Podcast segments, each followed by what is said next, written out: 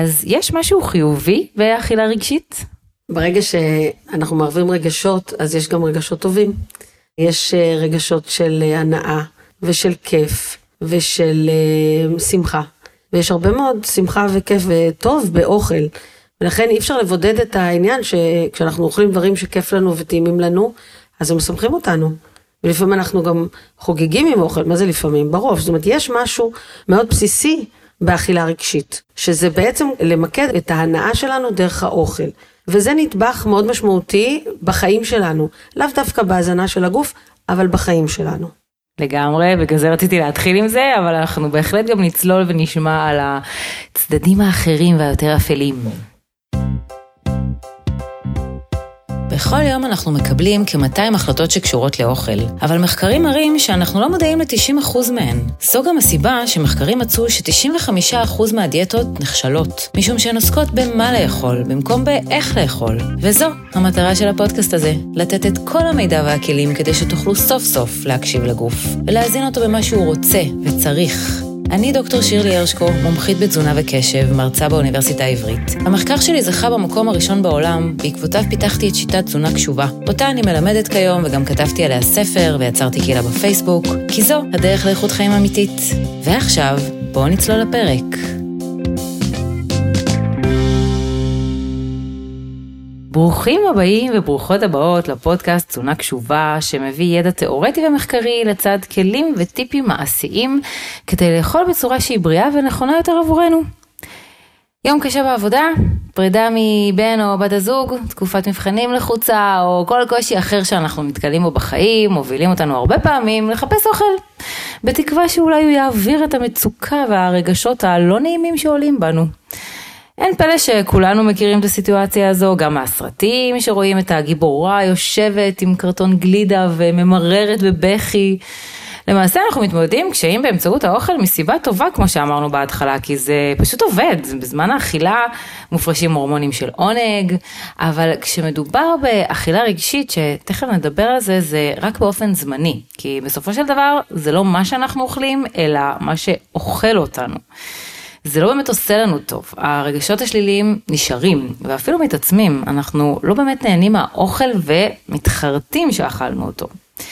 אז מה שתיארתי כאן זה סיטואציה של אכילה רגשית, היא מתרחשת כשמשתמשים באוכל כדי לטשטש תחושות של אשמה, עצב, בדידות, כעס, מתח, ובסוף אנחנו גם מרגישים הרבה אשמה.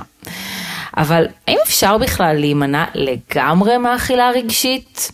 החלום של כולנו זה הרי לפתח אכילה מודעת, במקום של תשומת לב מלאה למה שאנחנו אוכלים, אבל האם זה בכלל אפשרי?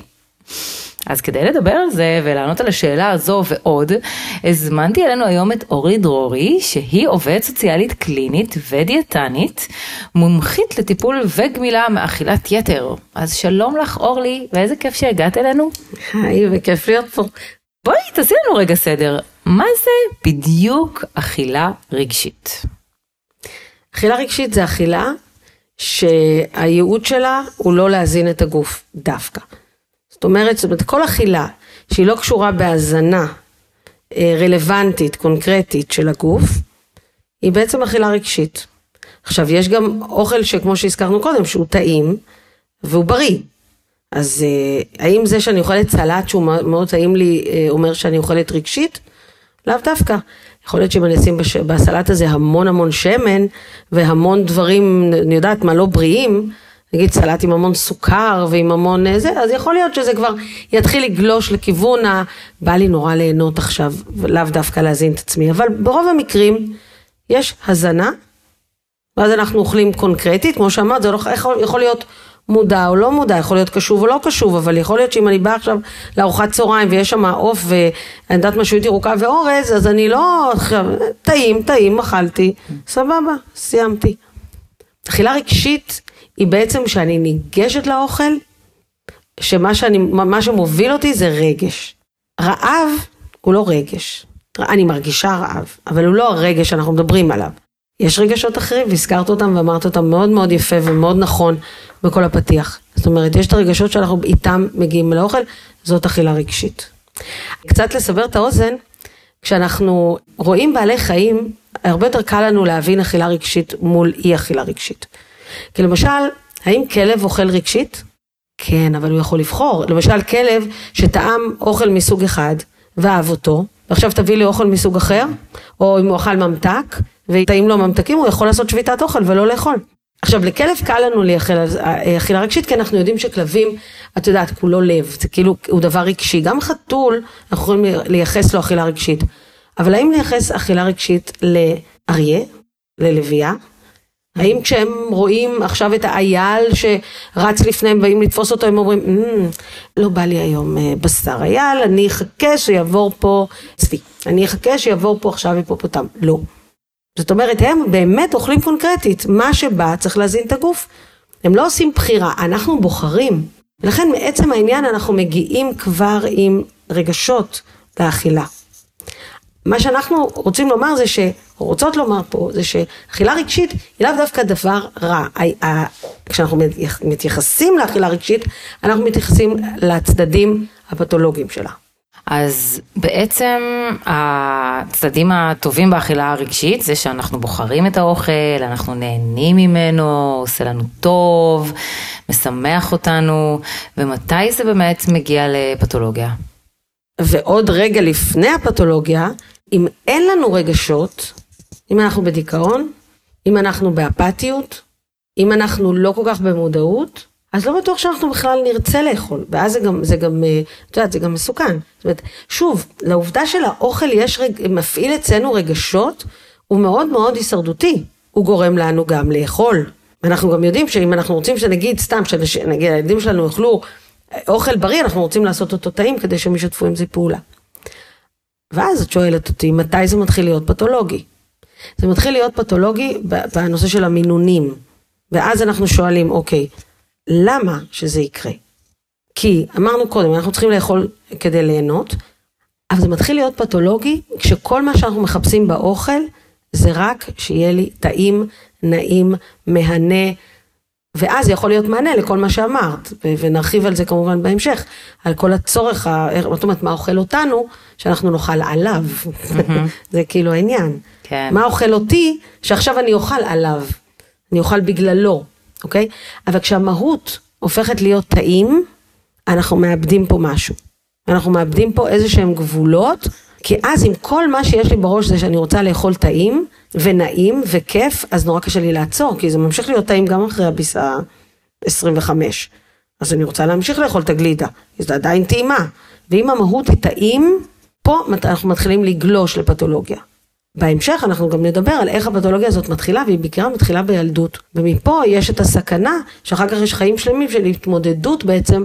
יש אנשים שקוראים לזה הרגל, אני כמובן, בעצם המחקר שלי והכל קוראת לזה התמכרות, שיושבת על, על בסיס פיזיולוגי מחוי של התמכרות, וזה מתחיל דווקא שם, בתאים. אז באמת רגע לפני איפה זה מתחיל, אם עכשיו מאזינים לנו ורוצים לדעת אם יש לי אכילה רגשית כן או לא, אז אה, יש בעצם את העניין של הכמויות שהן גדולות, יש אה, אולי עוד כמה פרמטרים שאת יכולה לתת כדי לסבר את האוזן?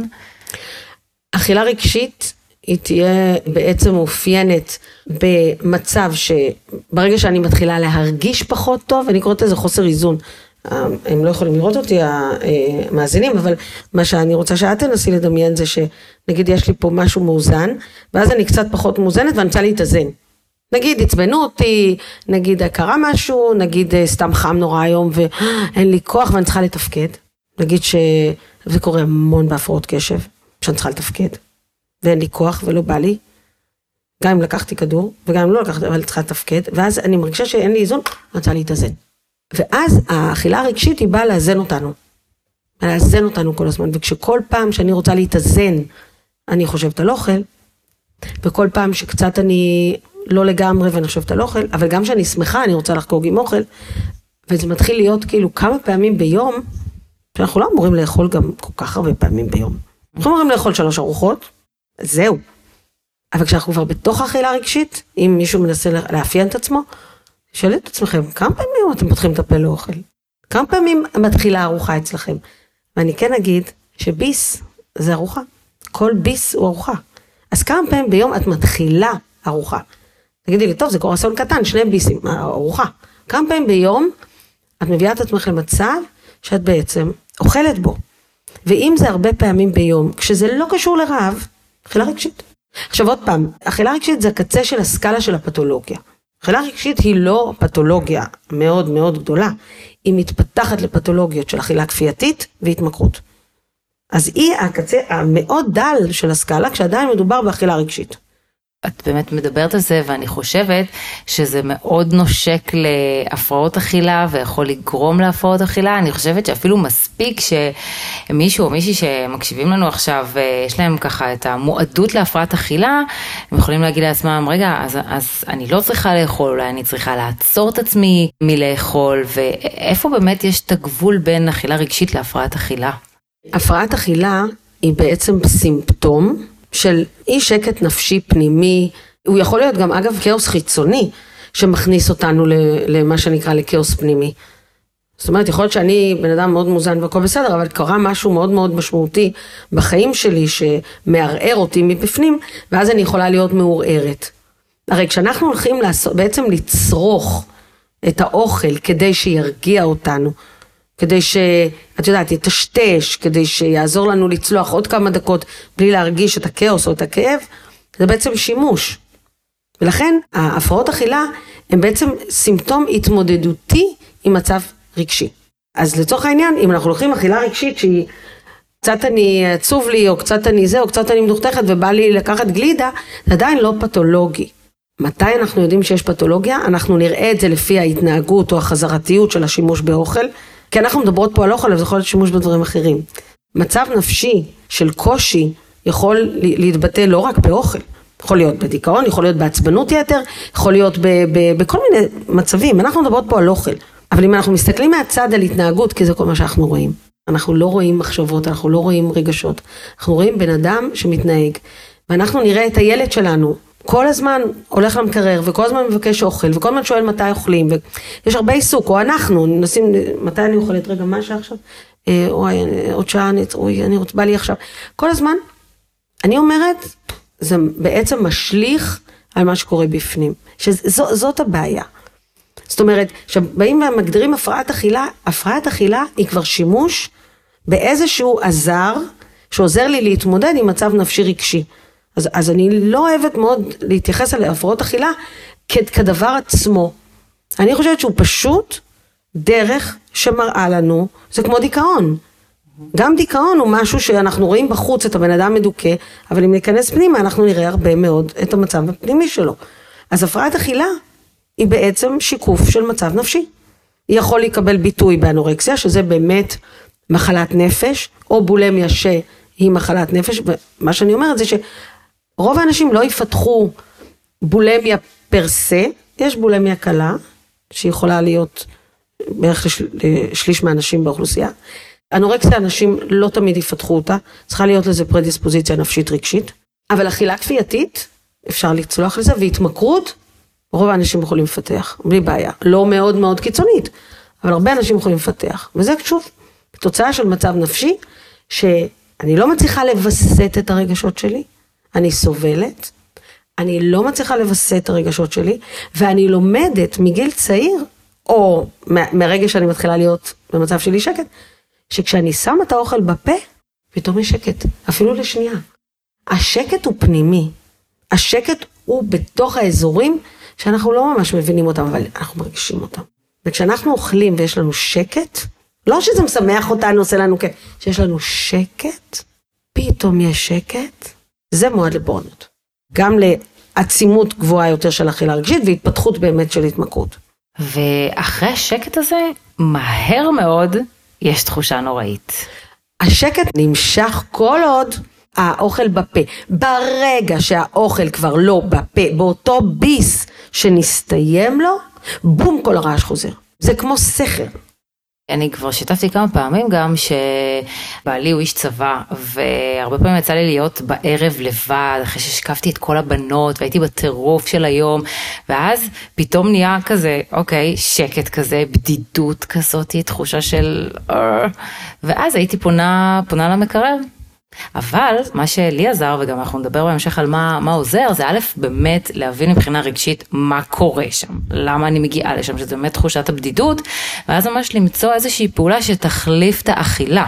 אני הייתי חייבת למצוא פעולה ולהקפיד עליה, בין אם זה נגיד אה, לצאת לעשות ספורט, או לצאת להיפגש עם חברה, אבל לא להגיע למצב הזה שאני עכשיו לבד בבית בודדה, אחרי שהשקפתי את כל הבנות שלי, ואין לי איזושהי פעילות אחרת. את מאוד צודקת. וזה מאוד מאפיין אנשים שהמצב הרגשי הסטנדרטי הוא יחסית טוב, כי אז אתה יכול להיות פרואקטיבי. אתה יכול להיות אה, אחד שיכול לעזור לעצמך, אחד שיכול לעשות, להגיד אוקיי, מה קורה לי, אני בודדה, אוקיי, הבעיה שלי זה בדידות, אוקיי, טוב, אוכל זה לא יעזור לי בבדידות, מה אני עושה כדי לא להיות בודדה? אני אזמין חברה, אני אצא, אני אתחיל ללמוד משהו בזום בערב, כי את צריכה להיות עם הבנות, כל מיני דברים שאני אגיד, אני אפיק את הבדידות. זה מצב של אדם שבסך הכל יש איזה שקט, אבל אם יש מצב נפשי רגשי יותר סוער, שמאפיין הרבה מאוד אנשים. בעיקר, את יודעת, כי חלק מ- מ- מהסוציאליזציה, מה, מה, מה, בעצם מהגדילה, כי כשאנחנו גדלים בבתים שהם לא מאוד רגועים, וההורים לא מאוד רגועים, ולא הכל מאוד רגוע, אנחנו גדלים עם מתח פנימי שהופך להיות גם חלק מה-DNA. ואז אנחנו כל הזמן, אני קוראת לזה תמיד להיות על טורים גבוהים. אנחנו כל הזמן על איזה טורים גבוהים כאלה, ואז תוסיפי לזה את הבדידות של הערב של הזה, את סוף היום, את זה, ההוא עצבן אותי, אי אפשר לשאת את זה. ואז צריך את השקט הזה. וכשאנשים לומדים שהדבר היחיד בדרך כלל, למה הוא היחיד? אגב, כי יש לו אה, באמת אה, איזה קונספט נורא חזק אוכל. כי הוא מפעיל את כל החושים ועובד מאוד חזק על כל החלק של הפיזיולוגיה של המוח. זאת אומרת, יש שם עבודה אמיתית שהיא מעבר למה שבא לנו, לא בא לנו. זה עובד אצלנו במוח, זה מרגיע. זה מזרים את כל האמפטמינים, זה מזרים את הדופמין, זה מעלה סרטונין, זה, זה כאילו כימיקלי לגמרי. עכשיו, כשזה עובד, לשם אנחנו הולכים. עכשיו, זה גם נורא זמין. כן. זאת אומרת שכשאת חושבת על הערב, על הלילה, על כל מיני מצבים שאנשים אוכלים בהם, עצבן, אותי הבוס שלי בעבודה, העליב אותי. מה אני אעשה עם זה עכשיו? איפה אני אפרוק את זה? עכשיו אני אצא לצאת בקפה עם חברה? עכשיו אני יכולה להרים טלפון לדבר עם מישהו? לא. אני בתוך עבודה, מה אני יכולה לעשות? אני הולכת לקחת שני רוגלח. אחר כך כמובן אני מצטערת ואני מפגרת ואני... אבל באותה שנייה, איך אני נחלצת מזה? עכשיו שוב, פה גם אנשים נחלקים, כמו שאמרתי, יש את אלה שיכולים לווסת. יש את אלה שבגלל שהם על טורים גבוהים anyway, ותוסיפי לזה עוד, נורא קשה לווסת. והאוכל מווסת. לשנייה, עם כל מה שמתפרץ אחר כך, אבל מה שקורה אחר כך, זה לא משנה. באותו רגע, הכמיהה היא לוויסות. ממש ככה, ובאמת זה גם נורא מתחבר להפרעות קשב שאמרת קודם לכן, שבגלל זה יש הרבה יותר אה, סיכון, גם פי שתיים להשמנה, גם פי ארבע להפרעות אכילה, וגם כמובן יותר לאכילה רגשית, אימפולסיבית, כי צריך את האיזון הזה, וכי באמת יש חוסר שקט נוראי נוראי אה, בראש, והאכילה גם מפרישה המון דופמין שהוא חסר אה, במוח, אז באמת מאוד מתחבר לשם, ומאוד מעניין ההבדלה שעשית בין באמת ככה שמרגישים באופן כללי, בלי ויסות ללא. ומעניין אותי גם לדבר קצת על איך אנחנו מגיעים לזה, מה, מה בחינוך שלנו כבר בתור ילדים מוביל אותנו יותר לאכילה רגשית, אני חושבת שזה גם יעזור להורים לילדים צעירים היום של מה אולי לא לעשות, כמו למשל אה, לא לחזק עם, אה, עם אוכל או לא לדבר על אוכל בצורה מסוימת, אז בואי תספרי לנו על זה.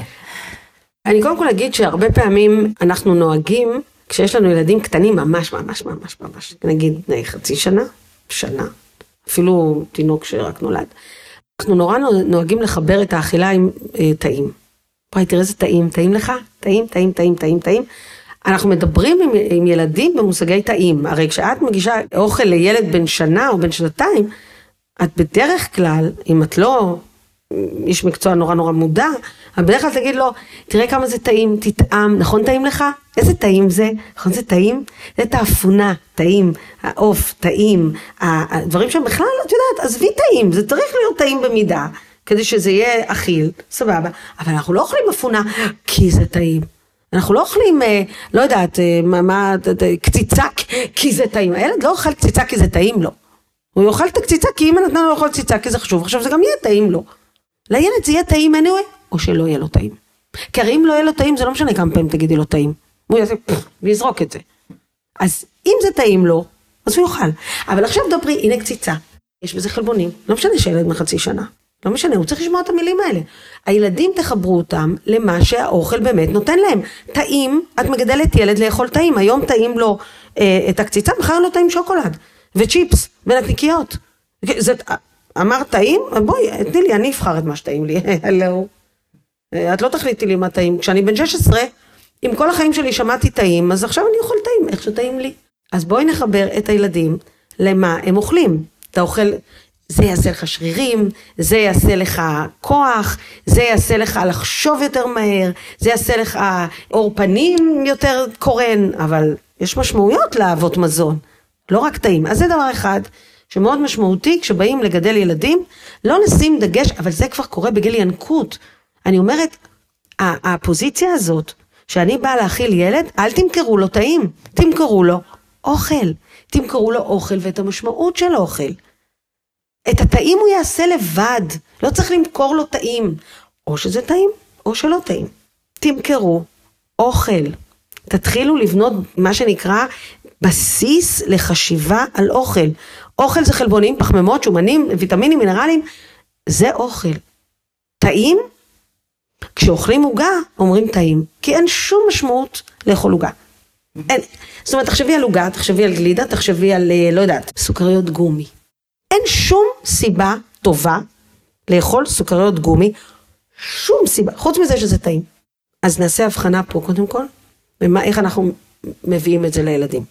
מעבר לזה, אם אנחנו רוצים ילדים שלא יגדלו עם אכילה רגשית, אנחנו צריכים הורים שיכולים להכיל ילדים, להכיל, לא להאכיל.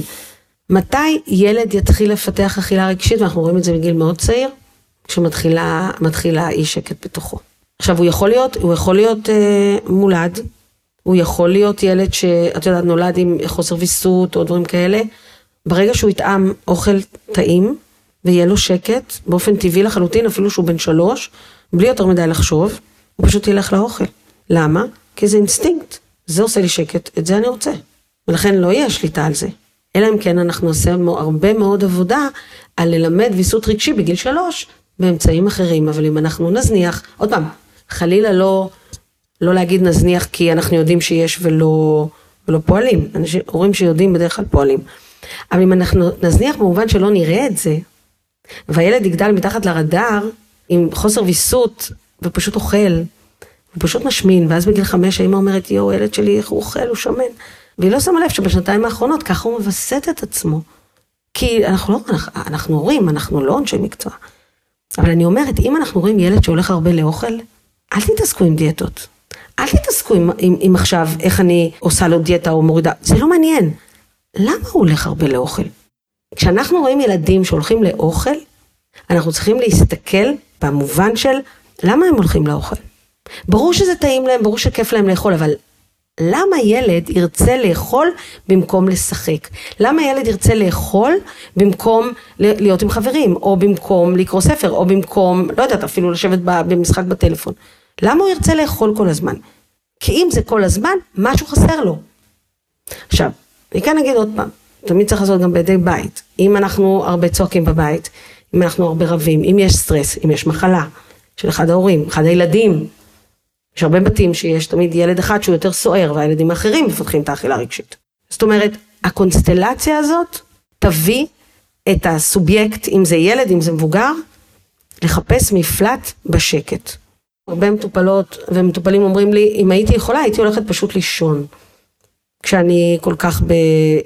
אבל אני לא יכולה לישון, יש לי ארבעה ילדים, אני צריכה לבשל, אני צריכה לסדר, אני צריכה לעבוד, אני לא יכולה לישון, אני לא יכולה אני הייתי הולכת לים, יושבת מול הים, אני לא יכולה לעשות את זה. הייתי עושה הרבה דברים לווסת את החוויה שלי, ואני לא יכולה. כן, צריכה לתפקד. אז מה עוזר לי? אוכל. אפילו אם זה לשנייה. קצת מרחק, קצת מרחק. בולמוסים זה הרבה אוכל, הרבה זמן, הרבה מרחק. גם הרבה אחר כך אה, כאב, אבל זה יכול לתת, לפעמים אנשים עושים בולמוס, בולמוסים של שעה. תחשבי, שעה להיות בענן. גם ילדים שהורים לא שמים לב יכולים לעשות בולמוסים. למה הוא צריך להיות בענן? הוא ילד. אם הכל בסדר, הוא לא אמור לחפש עננים. כי העולם הוא עננים, המציאות היא עננים, הכל חדש, הכל מעניין, הכל... למה אוכל? הרבה פעמים התפיסה היא איך נוריד אותם במשקל, איך נעשה להם עכשיו תפריט. כן, זה ממש אף פעם לא שם בתפריט שניתן לילד והוא יאכל אותו. נורא קל למכר לאוכל טעים. אז אם אני אחזיק שוקולד חופשי בבית וכל פעם אתן לילדים ואוכל בעצמי, ואם האוכל יהיה עם הרבה מאוד שמן, ואם יהיה הרבה מאוד בצקים באוכל, זאת אומרת אם אני אתן לילדים שלי כל שבת בבוקר אה, ג'חנון וזה, ולבית ספר אני אתן פעמיים אה, שלוש בשבוע עם שוקולד, ונורא קל למכר, ואז באמת יכולה להיות גם איזושהי התרגלות לדבר הזה, ונורא קשה למנוע את זה, כי מתרגלים לכיף הזה. מי נותן לילד שלו גלידו ואומר לו תקשיב זה גלידה, זה טעים מאוד, אממה, זה מלא סוכר, מלא שומן, לא בריא, צריך לאכול מזה קצת. הרבה הורים דווקא חוששים שאם הם יגבילו, אז יהיו הפרעות אכילה, ואז הילד ילך ויחפש. ומה את חושבת על זה? אני לגמרי חושבת שכמו שהורים מחנכים ומגבילים בכל דבר, אז uh, אותו דבר פה, וגם לא צריך להגביל, זאת אומרת, פשוט צריך להגיש בצורה מסוימת, ואם אנחנו כל הזמן באמת רק מרעיפים עוד ועוד ממתקים, או עוד ועוד אוכל שהוא, שהוא לא מזין, נקניקיות, בורקסים, מביאים, ערימות, אז כמו שלנו קשה לא לאכול את זה, אז גם לילדים יהיה קשה, אז, אז למה לעשות את זה להם? יש הורים שנורא מפחדים להגביל עם אוכל כדי שלא יהיו הפרעות אכילה. זאת אומרת, כמה הורים נורא יפחדו להגביל את הילד שלהם ללכת לישון בשעה שמונה בערב, שהוא נגיד בן שבע, כי הם נורא יפחדו שילד יפתח מההפרעות שלה. אז הם לא יגבילו אותו. או כמה ילדים יסכימו שהילד שלהם יישאר בחוץ, בלי להגביל. אני לא אגיד לילד שלי מתי לחזור הביתה. מה פתאום, לא, לא. אם אני אגיד לו מתי לחזור הביתה, אז הוא יפתח איזה הפרעת לא לחזור הביתה. לא יודעת. אז אני לא אגיד לו. אני לא אדבר על זה. ששש, לא מדברים. שיחזור מתי שהוא רוצה. עשר בלילה, מתי שהוא... לא. אנחנו אומרים לו מתי ללכת לישון, אומרים לו מתי לחזור, אומרים לו מתי לשבת לעשות שיעורים, אומרים, אומרים, אומרים. כן, אנחנו מייצרים גבולות. וגבולות, כמו שאנחנו יודעות, מאפשרים חופש. וברגע שאנחנו לא יוצרים לילד חופש וגבולות, אנחנו נותנים לו תחושת כאוס. איך הוא ידע כמה רוגלח מותר לו לאכול? מה זה מותר? מותר כן. למה מותר ואסור? כי מי נותן את ההגבלה? אמא? לא. מי? הגוף. הגוף שלנו מגביל אותנו. וכשאימא צריכה להגיד לילד, אתה אוכל עכשיו רוגלח אחד, כי זה שאתה ממתק, היא לא מדברת כאימא שתפתח הפרעות אכילה, היא מדברת כאימא שיודעת משהו על הגוף של הילד שלה, שהוא קטן, ואין שום סיבה בעולם שהגוף שלו יתמודד עכשיו עם כזאת כמות של סוכר שומן, טאטם, טאטם, טאטם. אז היא אומרת לו, רוגלח אחד. ממש ככה. אנחנו בעצם הגדרנו מה זה בדיוק אכלה רגשית, איך היא נגרמת, מתי היא יותר זולגת לפתולוגיה או להפרעות אכילה, ונגיד וכן, הגענו באמת למצב הזה של אכילה רגשית, בין אם אצל ילדים או אצלנו, איך אפשר עכשיו לטפל בזה, מה, מה אני עושה? זיהיתי את זה, מה, מה אני עושה עכשיו? זה למשל שאלה שהתשובה שיכולה נורא לתסכל, לדעתי 80% מהאנשים. כי כשאתה בוגר ואתה בתוך אכילה רגשית, ברוב המקרים אתה לא באכילה רגשית. אתה כבר בשלבים היותר מפותחים של האכילה הרגשית, כמו שאמרתי. הפתול... אכילה רגשית, כשאני עושה טיפול, נגיד אני מטפלת באנשים עם, עם אכילה כפייתית סלש התמכרות קשים. ומבחינתי להגיע להצלחה בטיפול זה להביא אותם לאכילה רגשית. זאת ההצלחה מבחינתי. ברגע שהמטופל שלי יודע להגיד שעכשיו הוא אכל כי או כי עכשיו הוא הרגיש ככה, אז אני אומרת, אוקיי, טוב, קודם כל ביטלנו את כל המקומות הדיסוציאטיביים שאוכלים בהם, כשהכאב הוא כל כך גדול, אז אני אפילו לא יודע למה אני אוכל, ואני אוכל כל היום. אז מי שאוכל כל היום, ומי שבכלל אוכל כל היום, ולא מפסיק לאכול, וגם אין לו רגשות אשם, אז הוא כבר נמצא בקצה השני של הסקאלה, בקטע ההתמכרותי. כי שם כבר, את יודעת, מתחילה לאבד את, ה, את החיבור לדבר הזה, והרבה מאוד אנשים נמצאים שם. אז לבוא ולדבר עכשיו על איך מתמודדים עם אכילה רגשית, צריך להתאים לאכילה רגשית. אנשים שכבר באמת כל היום לא מצליחים, אוכלים כל היום, חושבים על אוכל כל הזמן, נמצאים ממש במצוקה, אבל שיש גם מצוקות נפשיות אחרות, זה יהיה מאוד קשה, נגיד, לעשות את מה שאת עשית. כי הטיפול הוא, שירלי, זה בדיוק מה שאת עשית. הטיפול באכילה רגשית הוא טיפול אימוני. הוא אפילו לא טיפולי את יודעת, לא, נגיד, אני לא הייתי לוקחת אותך כמטופלת ועוזרת לך להגיע לזה, מפני שהייתי אומרת, תנסי להבין מה קורה לך שם. זהו. ואני קוראת עכשיו באמת למאזינים, אם אתה יכול להבין מה קורה לך שם, או מה קורה לך שם, ולזהות את הרגש, זה כבר מקום טוב. זה כבר אפשר לקרוא לזה אכילה רגשית. שאני אוכלת על רגש, אוקיי, מה הרגש? אז מה שאנחנו כן יכולים לעשות, מבחינה אימונית, מתי זה קורה? הרבה פעמים זה קורה מספר פעמים באותה סיטואציה. למשל, תמיד כשאני חוזרת הביתה, אחרי עבודה, לפני החצי השני של היום. הרבה פעמים זה קורה בלילה, כל היום אני ממש בסדר, אני גם מרגישה בסדר, תפקודית, הכל הכל הכל. בלילה, אפרופו מה שאת סיפרת, פתאום אני עייפה, פתאום בא, איך בא לי לראות עכשיו סדרה, ואז אני אשאל את השאלה הבאה, האם כשזה קורה, מה, מה את אוכלת שם? זאת אומרת, אם את תגידי לי, אני לוקחת שקית במבה ואוכלת, אני אגיד לך, סבבה, אכילה רגשית, מחיר לא גבוה, אם זה באמת עושה לך כיף וזה, למה לא? מה, מה רע בלאכול עוגה כל יום? מה רע בלאכול ארבע קוביות שוקולד? לא אכפת לי מתי זה יהיה, מה רע בזה? ותגיד שזה קורה כל יום. בסדר, את באה הביתה מהעבודה, את חייבת משהו. אז את לוקחת משהו, אז מה, אז גם אם זה עוגה. אז תקחי עוגה וקפה. אז אכילה רגשית? כן. זה רע? לא. השאלה היא, אם עכשיו את מתחילה עוד ועוד ועוד ועוד, למה? עכשיו, תשובות של מטופלים. אני לא רוצה שזה ייגמר, כי ברגע שזה ייגמר, מה מחכה לי? כביסות, לשחק עם הילדה עכשיו אה, אה, מונופול שאני שונאת, אה, אין לי כוח, אין לי סבלנות. אם ברגע שאני אוכלת הם עוזבים אותי בשקט, ברגע שאני מפסיקה לאכול, כולם מתנפלים אליי. פתאום אני צריכה לתת את, את עצמי לכולם. פתאום אני צריכה ללכת לתפקד. מחכה לי עבודה, אני רואה את חשבון, יש לי עוד מלא... אני לא רוצה שזה ייגמר. כן, אכילה רגשית. פתולוגיה? לא בטוח. בגלל שאני מבינה שאני דוחה את הקץ. ואז אפשר להתחיל לעשות עבודה על זה, אם זה באמת חשוב לך, ואם את משמינה מזה, וזה... בואי נעבוד עם זה. את יכולה לעבוד עם זה עם עצמך. לתת לעצמך להגיד, אוקיי, אני זה, ואחר כך בערב אני אעשה ככה, לתת לעצמך כל מיני מחשבות חיוביות, מה אני אעשה כדי שיהיה לי כיף היום, לצמצם אזורים שאני פחות אוהבת. אני אומרת להורים, אין לך סבלנות לשחק מונופול, תביאי בייביסיטר. תשבי, את תשתי קפה ככה משולבת רגליים בכיף, ושילדה תשחק על הרצפה עם הבייביסיטר מונופול. זה בדיוק מה שרציתי להגיד, שהורים פשוט כל כך הרבה פעמים נכנסים למצב שהם רק דואגים לילדים שלהם ולא לעצמם. ואז הם פשוט מגיעים למצבים קשים, וממש כמו שמראים במטוס, שאתה קודם כל צריך לשים את המסכה עליך ואחרי זה על הילד, אז אין לזה תחליף, הורים, למרות שאתם כל כך רוצים לדאוג לילדים שלכם, אתם לא יכולים להזניח עצמכם, כי אז אתם באמת מגיעים למצבים לא טובים, וגם לילדים שלכם לא טוב מזה בהמשך. ו- ועוד דבר שהורים חוששים לעשות זה לקחת עזרה. וואי וואי, כמה אני צריכה לשכנע הורים שמגיעים למצבים קשים, גם זוגות, כל מיני מצבים. לא, הם לא ייקחו עזרה, הם לא ייקחו מנקה, הם לא ייקחו בייביסיטר, אבל הם יגיעו למצבים קיצוניים שמצריכים הרבה יותר כסף מזה, כמו להתגרש או כמו להגיע לייעוץ, או אני לא יודעת מה, אז זה לא פריבילגיה לקחת עזרה, זה ממש כמו תחזוק, זה ממש כמו שהנה היום לקחתי את האוטו לטסט. זה אותו הדבר, אתם לא יכולים לקחת הכל הכל על עצמכם, ואז גם לא לאכול אכילה רגשית, ואז גם, כאילו, מה תעשו? אתם חייבים באמת את האיזון הזה. כמו שאת אומרת, כשהורים לא נעזרים וחושבים שזאת פריבילגיה להיעזר, זה לא רק האוכל וההשמנה, זה גם כל מה שהם מעבירים לילדים אחר כך. כי הם לא באים רגועים וטובי לב, זה בדיוק הסטרס שדיברנו עליו מההתחלה ששורט אחר כך את הילדים. הורים צריכים נורא להבין שילדים הם כמו נייר לקמוס, כל מה שאתה מטפטף הוא מיד מיד מיד שם.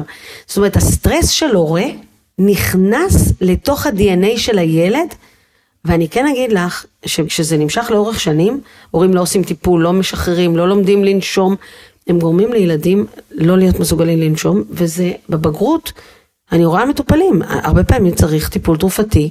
כי הבסיס, אין, אין משהו, אי אפשר לשחרר את זה, זה לא שרירים, זה שרירים שנתפסו בצורה שאתה לא יכול לשחרר אותם. כן, זה ממש נכנס לגנים, אנחנו ממש יודעים היום בתחום של האפי גנטיקה שזה מחלחל לגנים ונשאר שם ואז גם עובר לנכדים באותם הגנים בדיוק ואני חושבת שאמרת גם עוד משהו סופר סופר חשוב שאני נורא רוצה להדגיש.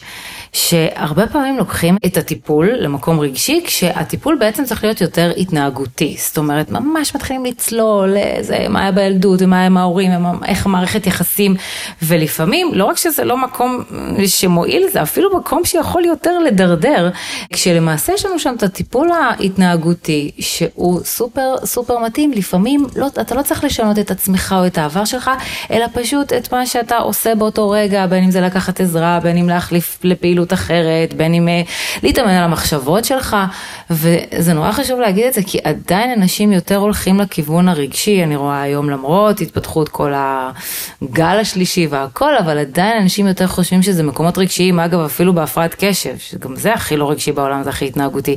תראי, בסוף ההתנהגות זה מה שאנחנו רואים וזה מה שאנחנו רוצים. אנחנו מוכנים לעשות הכל שההתנהגויות שלנו יהיו התנהגויות מתאימות, אז נאכל כמו שצריך, אז נתעמל, ואז גם נתנהג יפה. ואז גם יהיה לנו חשק להתלבש ולהתאפר וזה, הכל יהיה נחמד אם נוכל להתנהג כמו שאנחנו רוצים by the book.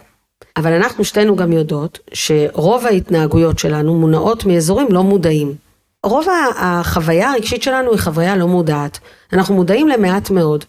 טיפול רגשי, פסיכולוגי, בעצם מדבר על לחשוף, להאיר, אני קוראת לזה כמו ללכת עם פנס, למצולות ולהאיר את החלקים הלא מודעים, כדי להבין מאיפה אנחנו מתנהגים, ומשם היינו רוצים שיהיה שינוי. לא תמיד יש שינוי, ויש לנו גם לפעמים יותר כוח כשאנחנו יודעים ממה זה בא, מאימא, סבתא וכולי. אבל יש את אלה שיכולים ולא צריכים את פסיכולוגיית המצולות, ויכולים לעבוד עם מה שיש. וזה ההבדל קצת בין אנשים שהם אימוניים לטיפוליים. בן אדם אימוני זה בן אדם שיש לו כוחות ויש איזושהי יכולת שהחוויה שה, הרגשית היא לא כאוטית מדי, אוקיי? זאת אומרת שאין שם יותר מדי רעשים. אבל אם יש רעשים, אז שום טיפול התנהגותי לא יכול כי הוא מלמעלה. עכשיו, בטיפול, כשאני מקבלת אנשים, אני רואה דברים שאני אומרת, וואו, לפעמים את יודעת, צריך לגעת שם, לשחרר שם, להראות לה שזה בכלל לא היא. וזה חשוב, אבל כמו שאת אומרת, זה לא תמיד חשוב, וצריך לעשות את ההבחנה הזאת. אני כן אגיד שבאכילה, כשיש התמכרות כבר, זאת אומרת שיש אכילה שהיא כל היום, כל הזמן, אכילה שבעיקר, בעיקר מה שמאפיין אותה, שהיא לא קשורה לרגש, היא כן תצטרך טיפול, כי שם יש מה שנקרא פלונטר, שכבר לא מבחין. אני אוכלת שטוב לי, רע לי, שמח לי, עצוב לי, חם לי, קר לי, כל הזמן אוכלת. זה דיסוציאציה מתמדת. כן. ופה התנהגותי לא יעזור. אבל אם אני כן יודעת למה אני אוכלת, אני יכולה להגיד, יואו, אני מה זה עצבנית עכשיו, בא לי לאכול עכשיו רוגלח? אוקיי, אז את כבר יודעת שאת עצבנית, ואת יודעת למה את עצבנית, אז כמו שאת חושבת על רוגלח, אולי אפשר להכניס שם מחשבה אחרת. כי את כן יודעת. וזה אימוני, ועל זה אפשר להתאמן, וזה בהחלט כל הגישות, ה... יכול להיות NLP, יכול להיות uh, שיטות של uh, CBT, יכול להיות, uh, את יודעת, אפילו בן אדם עם עצמו יכול לעשות עבודה. אבל אם אי אפשר לעשות עבודה וזה לא מצליח, אז לא מתיישים. אז זה אומר שזה קצת יותר עמוק מזה, לפעמים צריך מישהו שיעזור לך לחפור שם כדי לשחרר. זה כמו גזים רעילים שמשתחררים, ואז יש חיבור, יש כמו, אני אומרת, יש לפעמים גזים כזה, ואז אתה מתחבר לאדמה, ומשם אתה יכול לעבוד. אז זה גם וגם. לגמרי, זה באמת מאוד תלוי. אני פשוט רציתי גם להדגיש את זה, שזה לא תמיד מקום רגשי שצריך לראות. גם אני מקום. חושבת ככה, גם אני חושבת ככה. האמת, הרוב הם לא מצבים מאוד קשים. הרבה מאוד אנשים פשוט טעים להם, כיף להם, נוח להם. אממה, מה שיכול אה, לעזור להבין איפה אתה נמצא זה כמה אתה מוכן להתמודד עם חסך. אם אנחנו יושבות עכשיו, יושבת מולנו צלחת רוגלח, ואני נורא אוהבת רוגלח. ואני יודעת שעקרונית אכלתי עכשיו ארוחת בוקר, אני אוכל צהריים, אין שום סיבה בעולם שאני אוכל את זה עכשיו, אבל בא לי. אז לא לקחת זה חסך, זה כאילו באסה. בא לי, טעים, בא לי שיהיה לי טעים, בא לי שיהיה לי כיף. לא לקחת זה חסך. איך אני מרגישה עם זה? אני יכולה להתמודד עם החסך או לא? כי בסוף, תמיד גבולות יוצרים אצלנו תחושה לא נעימה. ופה נשאלת השאלה, אם מישהו יכול להתמודד, זאת אומרת שהוא יחסית, כמו שאמרנו בוויסות הרגשי, הוא יחסית בסדר בחוויה הרגשית שלו, אז הוא יכול להתמודד עם החסכים האלה, הוא יכול להתמודד עם גבולות. אבל אם יש באמת פרדיספוזיציה רגשית לא טובה, וגם ככה יש חסך, ויש תחושה של כאב, אפילו אם הוא מובן או לא מובן, הבן אדם לא יכול להעמיד את עצמו במקום של גבולות. אז זה בן אדם שלא ילך לישון, ולא יקום בבוקר, ורק כשהוא חייב, הוא יראה והוא ימשיך לאכול עד שיגמר לו, אבל הוא לא יצליח לעצור. זה כאב, ואת זה רואים הרבה אצל ילדים, וגם אצל ילדים אפשר לחשוב. האם אני יכולה לשים לו גבול, או שאני שמה לו גבול והוא עושה טנטרומים בגיל 12, או בגיל 10, שזה כבר לא גיל הטנטרומים. אז זה אומר שהילד לא יכול להכיל חסך. זאת אומרת שהוא מכיל כבר בתוכו משהו. זה חסך על חסך, חסך. אז גם זה יכול לעשות איזושהי הבחנה מבדלת. נגיד שקשה, אבל את יכולה? את כן. יכולה? יפה. אבל יב- יבוא, תבוא מישהי אחרת ותגיד, אני לא יכולה, לא יכולה לשאת את הכאב הזה. זה גם נורא מזכיר לי שוב פעם את המקום של החינוך שלנו לגבי המזון והתפיסה שלנו לגבי המזון, שיש ככה הורים שהם נורא במקום של חושש על האוכל, שה- שהילד צריך לאכול ולאכול מספיק, ועכשיו הוא חולה והוא חייב לאכול, והוא לא אכל צהריים, ומה יהיה, והוא יהיה רעב, במקום כזה כאילו אנחנו באיזה סכנת אה, רעב בעולם, זה ממש נראה לי גם היסטורית כזה נטמע בנו, ואז כל הגישה הזאת, כל התחושה הזו של הלחץ על האוכל שצריך לאכול ולא להיות רעבים, אז גם זה נורא משפיע, כשלמעשה, אם, אם אולי נוכל לפתח גישה שהיא קצת פחות חוששת מהעניין הזה, אפשר להיות רעבים, אפשר לא לאכול צהריים, אפשר לא לסיים מהצלחת, אם אני חולה אני יכול גם יומיים לא לאכול, לא יקרה כלום, שזה משהו שצריך לפתח אותו, כי אני חושבת שהוא לא בא לנו בטבעיות לרובנו, אז, אז זה גם משהו ש, שמשפיע שם על המקום הזה, שגם אני יכול לשאת את החסך הזה. זה ממש נכון, ושוב, זה כל המקומות האלה שאם אני מצליחה לזהות אותם, ואז אני אומרת, אוקיי, אז אני אשנה. אני באמת אומרת שכדאי לקחת עזרה, כדאי לקחת מישהו שיכול לעבוד איתך. אני לא כך מאמינה בהרגלים, אני אגיד לך את האמת, כי אני אומרת, אנחנו מתרגלים תמיד רק לדברים טובים, דברים לא טובים אנחנו לא מתרגלים, אבל אנחנו מפתחים יכולת עמידות ולהמשיך לקיים אותם. כאילו אנחנו מפתחים יכולת עמידות להתמ- להתמודד עם הקושי. ואת זה אני מאוד מאמינה ואני מזמינה את זה. למשל ספורט. הרבה אנשים לא נורא נהנים בספורט, נורא נהנים בתוך הספורט, אבל מפתחים עמידות ביכולת לשאת את זה, ואז הם יכולים ליהנות מעצם העובדה שהם עושים ספורט, או מהתוצאות של זה. אבל זה אנשים שיכולים לפתח עמידות.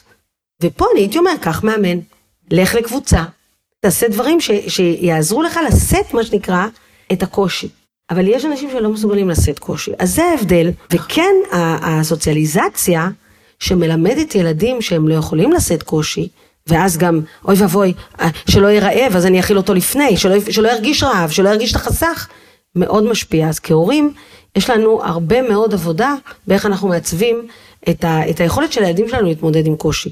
ממש ככה, ואני חושבת שאם אני מסכמת ככה דברים מרכזיים שאמרנו, זה קודם כל, אם אני יכול להיות מודע למה קורה איתי, ללמה קורה איתי, איזה מחשבות יש לי, איזה רגשות, איזה דברים אחרים אני יכולה לעשות אה, אחרת, זה מאוד מאוד עוזר.